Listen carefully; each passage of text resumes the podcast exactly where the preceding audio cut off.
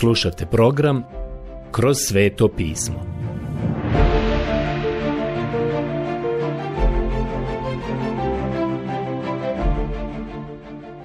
Knjiga Postanak. Odlomak Postanak poglavlje 33. Prijatelji, danas ćemo proučavati 33. poglavlje knjige Postanka. Pratimo život Jakova. Zadnji put smo vidjeli ono što bismo mogli nazvati vrhunac u njegovom životu, a taj vrhunac je bio da je upoznao Boga. Bog ga je pratio. Rečeno nam je da se te noći neki čovjek hrvao sa njim. Zapravo, taj čovjek se hrvao, a ne Jakov. On nije želio niti je tražio sukob i borbu. Imao je već dovoljno problema u svom životu. Iza njega je bio njegov ujak Laban, a ispred njega je bio njegov brat Ezav. I posljednji put kad ih je vidio obojicu, oni su odisali prijetnjom prema njemu. A ovaj čovjek Jakov nije bio u poziciji da se suprotstavlja nekom drugom, pa je taj čovjek preuzeo inicijativu. On je bio onaj koji ga je napao. Kao što smo rekli, bio je to predutjelovljeni Krist. Molim vas obratite pažnju na to kako je Bog postupio sa njim. Kako je Gospod postupio sa njim. Jakov isprva nije htio popustiti. To je tako tipično za njega. I znao je nekoliko tehnika i poteza u borbi. Mislio je da će nakon nekog vremena moći prevladati. Shvatio je da ne može pobijediti, ali se nije predavao. I šta je Bog učinio? Bog je u svakom trenutku svojom nadmoćnom snagom mogao apsolutno nadvladati Jakova, ali ja bih rekao da time ne bi pokorio i njegovu volju. To je kao onaj mali dječak o kome sam vam pričao prije.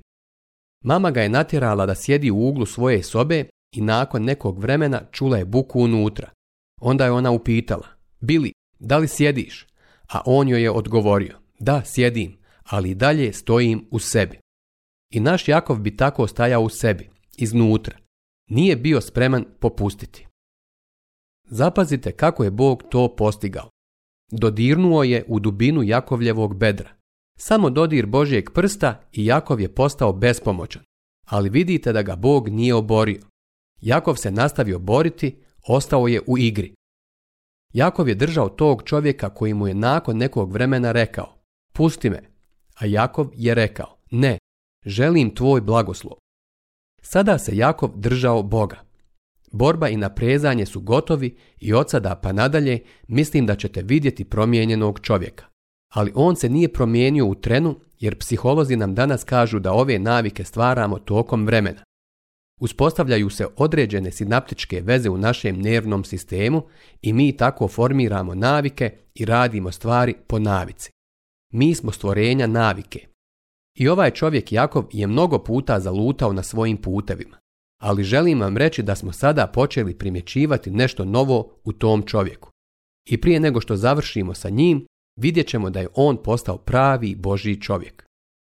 Zapravo, vidimo ga kod kuće i u zemlji Haran i vidimo da je on jedan tjelesan čovjek, a onda se ovdje u Penuelu kod potoka Jabok bori. Nakon ovoga i posebno dole u Egiptu, on je postao čovjek vjere. Prvo tjelesni čovjek, zatim čovjek koji se bori i muči, a onda čovjek vjere. Tako je bilo i sa apostolom Pavlom. Postojala su tri razdoblja u njegovom životu. Obratio se i onda je mislio da može živjeti kršćanskim životom. Tu sam i ja pogriješio kada sam postao kršćanin. Iskreno sam mislio da bih mogao živjeti kršćanskim životom, jer Vernon McGee nije trebao nikakvu pomoć. Mogao sam sve postići tako lako. Ali nisam uspio. To je bio teži dio. I to je dio koji će vam pomoći da se prisjetite da je Pavle imao svojih problema. Ono što ne bih radio, ja ipak nastavljam raditi. Pavle je otkrio da u staroj prirodi ne samo da nema dobra, već i da u novoj prirodi nema snage ni moći. I konačno ga čujemo kako viče i vapi u poslanici Rimljanima, u sedmom poglavlju u 24. stihu. Ja, nesretni čovjek, tko će me izbaviti od ovog smrtnog tijela? A onda se nešto dogodilo. Hvala Bogu po Isusu Kristu, gospodinu našem. Poslanica Rimljanima 25, prvi dio stiha. I kroz njega ćete morati zahvaljivati, jer tako će vaša pomoć doći, kroz njega. Tako dakle, ja sam umom služim Božijem zakonu, a tijelom zakonu grijeha. Poslanica Rimljanima 7.25, drugi dio stiha. I tako je sa svima nama. Imamo tu staru prirodu i ona ne može učiniti ništa što bi se svidjelo Bogu. Zapravo, Pavle je dalje rekao da je sve što je činio bilo učinjeno u neprijateljstvu protiv Boga. Pavle je rekao da koji su u tijelu ne mogu ugoditi Bogu. Poslanica Rimljanima 8.8. Ne možete ugoditi Bogu ako to pokušavate učiniti u tijelu. Ne možemo ništa postići sve dok mu se ne prepustimo. A to prepuštanje znači da je to čin naše volje. Čin preporođene osobe koja se predaje i prepušta Bogu. Kako samo divnu sliku imamo ovdje. Sve ove stvari su se dogodile ljudima koji se spominju u Bibliji. I sve je to zapisano nama za primjer. Jakov se sreće sa Ezavom. Sada ćemo pratiti Jakova odavde pa nadalje. Nešto se događa ovdje u 33. poglavlju knjige Postanka. Izgleda mi kao da smo upoznali nekog novog čovjeka. Iskreno rečeno, i upoznali smo novog čovjeka. Sada ću da pročitam prvi stih. Kad Jakov podiže oči i vidje Ezava s četiristotine ljudi, razdijeli djecu Leji i Raheli i objema sluškinjama. Htio je poštedjeti svoju porodicu, pa ih je razdvojio. Sprijeda postavi sluškinje i njihovu djecu, za njima Leu i njezinu djecu, a na kraju Rahelu s Josipom. A sam pođe pred njim i nakloni se sedam puta do zemlje, dok se ne približi svom bratu. Knjiga Postanka 33 od 2 do 3. Znate, jako bih volio vidjeti Jakova u susretu sa njegovim bratom Ezavom. Pretpostavljam da se počeo klanjati još dok je bio kilometar udaljen od njega. Došao je skrušeno jer je Ezav imao 400 ljudi sa sobom, a Jakov nije znao da li njegov brat dolazi kao prijatelj ili kao neprijatelj. Međutim, obratite sada pažnju na četvrti stih.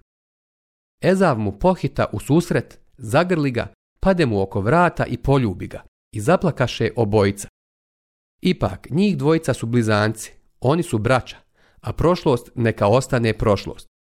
Mislim da je Bog sigurno djelovao na Ezava, jer se ranije zakleo da će se osvetiti i ubiti svog brata. Molim vas, zapazite sada. Kad onda podiže svoje oči i ugleda žene i djecu, upita, tko su ti ovi? Odgovori, to su djeca što ih Bog darova tvojemu sluzi. Pristupiše sluškinja s djecom i nakloniše se. Tada pristupi i Lea s djecom i nakloni se. Na kraju pristupiše Josip i Rahela i nakloniše se. On upita, što si htio s tom čitavom četom koju susretoh? On odgovori, htio sam time naći milost u očima svoga gospodara. Knjiga Postanka 33, 5 do 8. Ja mislim da je Jakov na trenutak pomislio da je njegova strategija približavanja njegovom bratu upalila. Ali zapazite, to uopšte nije bilo potrebno. I poslušajte sada Ezava i zapazite promjenu u njegovom životu. Ezav reče, imam dosta dragi brate, zadrži što je tvoje. Knjiga Postanka 33.9 Imam dosta dragi brate, to je ono što je Ezav rekao. Nisi mi to trebao poslati. Nakon svega Ezav je imao izobilje. Ali Jakov odvrati. Ne, ako sam našao milost u tvojim očima, onda primi dar od mene. Jer gledam u tvoje lice kao što se gleda u lice kojega nebesnika. I ti me tako lijepo dočeka. Primi dakle moj pozdravni dar što ti je doveden. Jer Bog me obilato blagoslovi i imam svega dosta. I prisili ga te primi. Knjiga Postanka 33 od 10 do 11. Znate, ovo je gotovo šaljiva scena. Sve do trenutka kada je Jakov otišao od kuće, ova su se dva čovjeka tjelesno ponašala jedan prema drugome. Svaki od njih je pokušavao dobiti nešto od onog drugog, a posebno Jakov. A sada vidimo Jakova kako se sasvim drugačije ponaša. Ovdje Jakov insistira da njegov brat Ezav prihvati dar. S druge strane, Ezav insistira da Jakov taj dar zadrži za sebe i kaže mu sljedeće. Zašto Jakove? Ja već imam dosta. Ne treba mi. Ne moraš mi to dati. Nije bitno.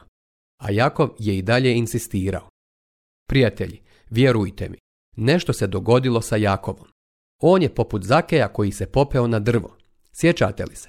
Sjećate li se kad ga je naš gospod pozvao da siđe sa drveta i otišao u njegov dom?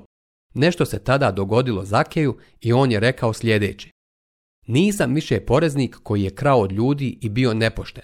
Sada želim vratiti ne samo sve ono što sam uzeo na pogrešan način, a možete biti sigurni da je to činio. Već to želim vratiti četverostruko. Kakva razlika? Kakva se samo promjena dogodila u toj kući koju je Isus posjetio? I ovdje je sigurno čovjek koji je malo drugačiji od onoga čovjeka koga smo upoznali ranije. Kakva promjena? Prije je trgovao i zamijenio zdjelu juhe kako bi dobio pravo prvorođenja, Sada je voljan svome bratu dati stada i krda i to besplatno, kao poklon. A njegov brat to ne želi uzeti, ali on insistira.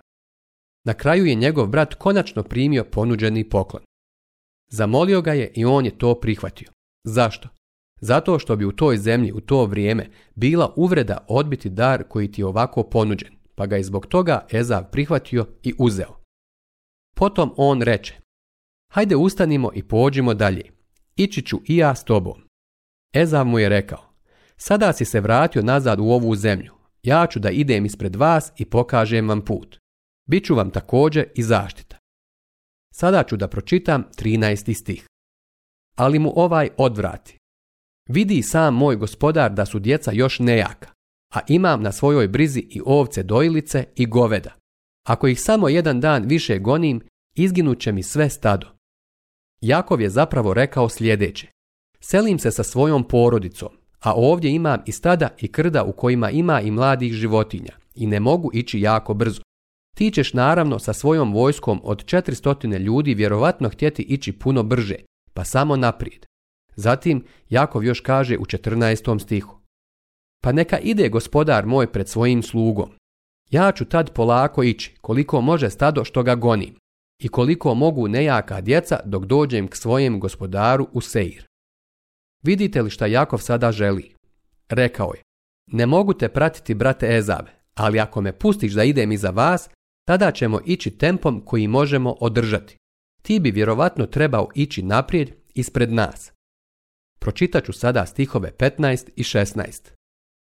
Ezav odvrati, pa da ti barem ostavim nekoliko ljudi što me prate, ali on reče, Čemu to?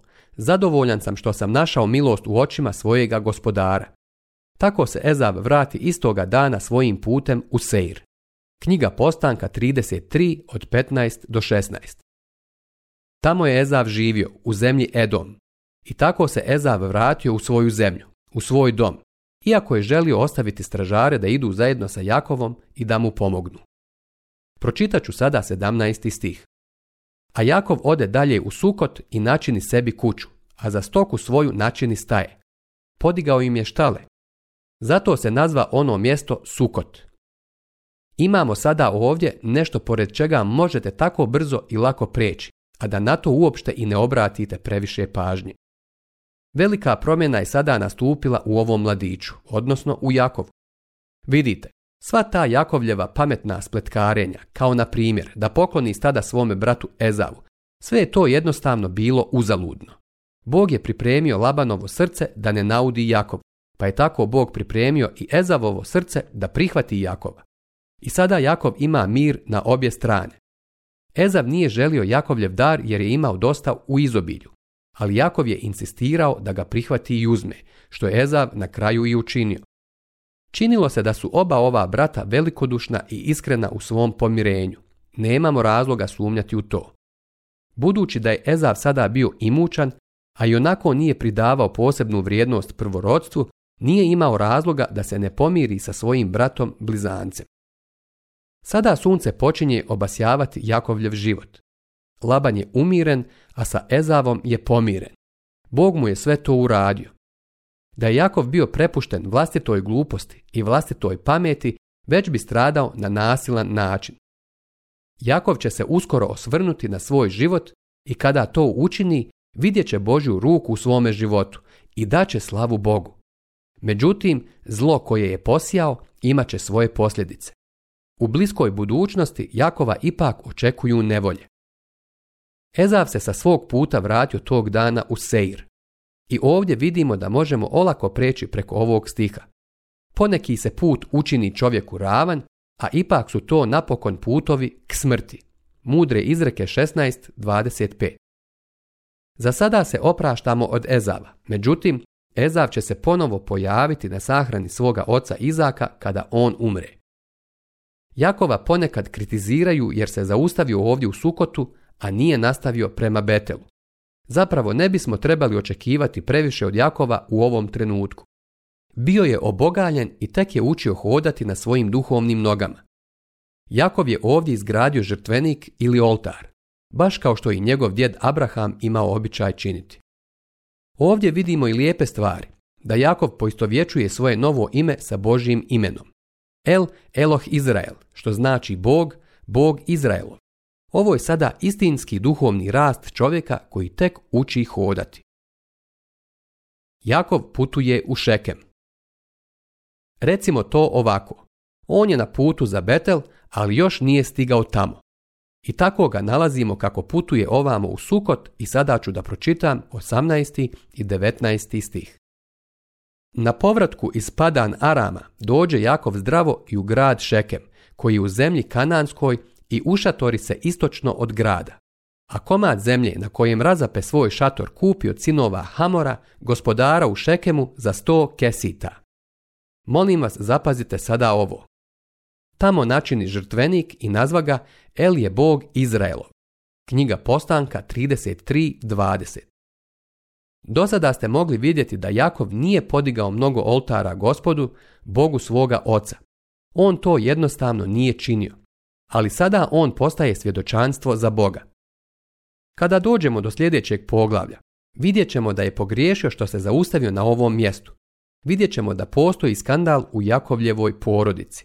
Da je Dinu, kćerku koju je Jakov dobio od Leje, silovao Šekem, sin Hamora Hivica. A Šimun i Levi, njena braća, njena rođena braća, osvetili su se za taj čin tako što su pobili sve stanovnike grada Hamora. Tako nešto ne možete opravdati.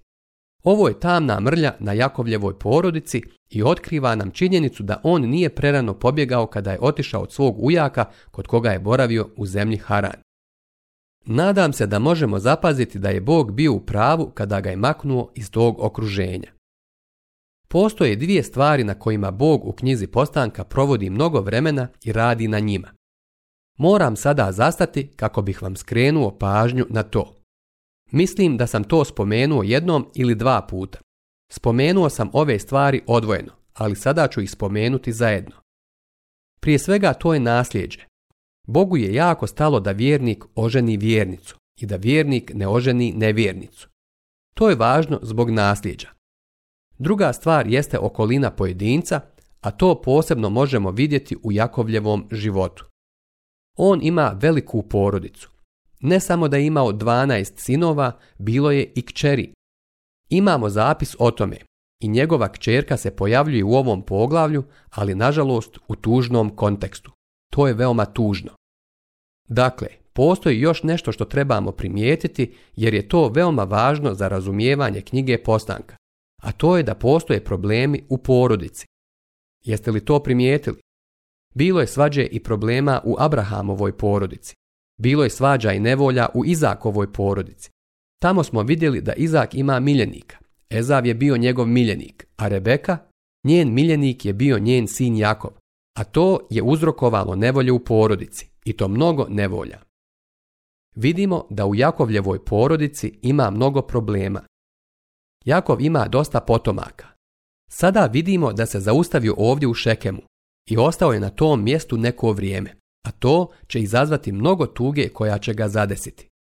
Iskreno govoreći, 34. poglavlje je jedno tužno poglavlje ovdje u knjizi Postanka. Mi možda nećemo trošiti previše vremena na ovo poglavlje kada ga budemo obrađivali sljedeći put. Pred nama je još jedno poglavlje, ali ono je tužno i u njemu se govori da je Jakovu u tom trenutku bilo slomljeno srce. Vjerovatno bismo ga sada trebali zvati Izrael jer je to njegovo novo ime. On je napravio oltar i jedno je sigurno. On sada daje svjedočanstvo živom i pravom Bogu. Došlo je do promjene u njegovom životu. To je rast. To je razvoj. Ponovo želim ovo izjaviti jer je to lekcija za nas danas. Ne očekujte da ćete kao kršćani preko noći postati punoljetni. Sada te Bog kao odraslog sina usvaja u porodicu gdje možeš razumjeti božansku istinu jer je duh sveti tvoj učitelj. Ali tvoj i moj rast je spor. Napredak je vrlo spor jer mi možemo naučiti istine iz Biblije, ali ćemo to otkriti u našim životima da ti i ja prolazimo vrlo slično kao Šimun Petar, posrčući ovdje i padajući tamo. Hvala Bogu, Šimun Petar je nastavio ustajati i otresati prašinu sa sebe i na kraju je došao dan kada je imao vrlo blizak hod sa gospodom. Zapravo, Petar je išao do križa kao i naš gospod. Ali ti i ja moramo priznati da je u našim životima rast spor. I samim tim ne očekujte previše kada je u pitanju rast drugih. Znam neke roditelje djece koja su se obratila. Ti roditelji očekuju previše od njih ne očekujmo previše od drugih ljudi, ali očekujmo mnogo od sebe.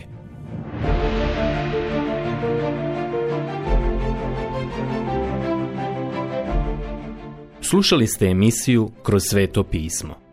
Možete nas slušati i na našem YouTube kanalu putem mobilne aplikacije, te na svim glavnim podcast platformama kao što su Google, Apple i Spotify. Ako vam se naši programi dopadaju, preporučite ih i podijelite s drugima. Budite slobodni da ostavite svoj komentar ili nam pišite na našu e-mail adresu kroz sveto at Zapratite našu stranicu kroz sveto pismo BiH na Facebooku i na Instagramu. Emisije iz ove serije možete pronaći na našoj stranici ttb.twr.com org.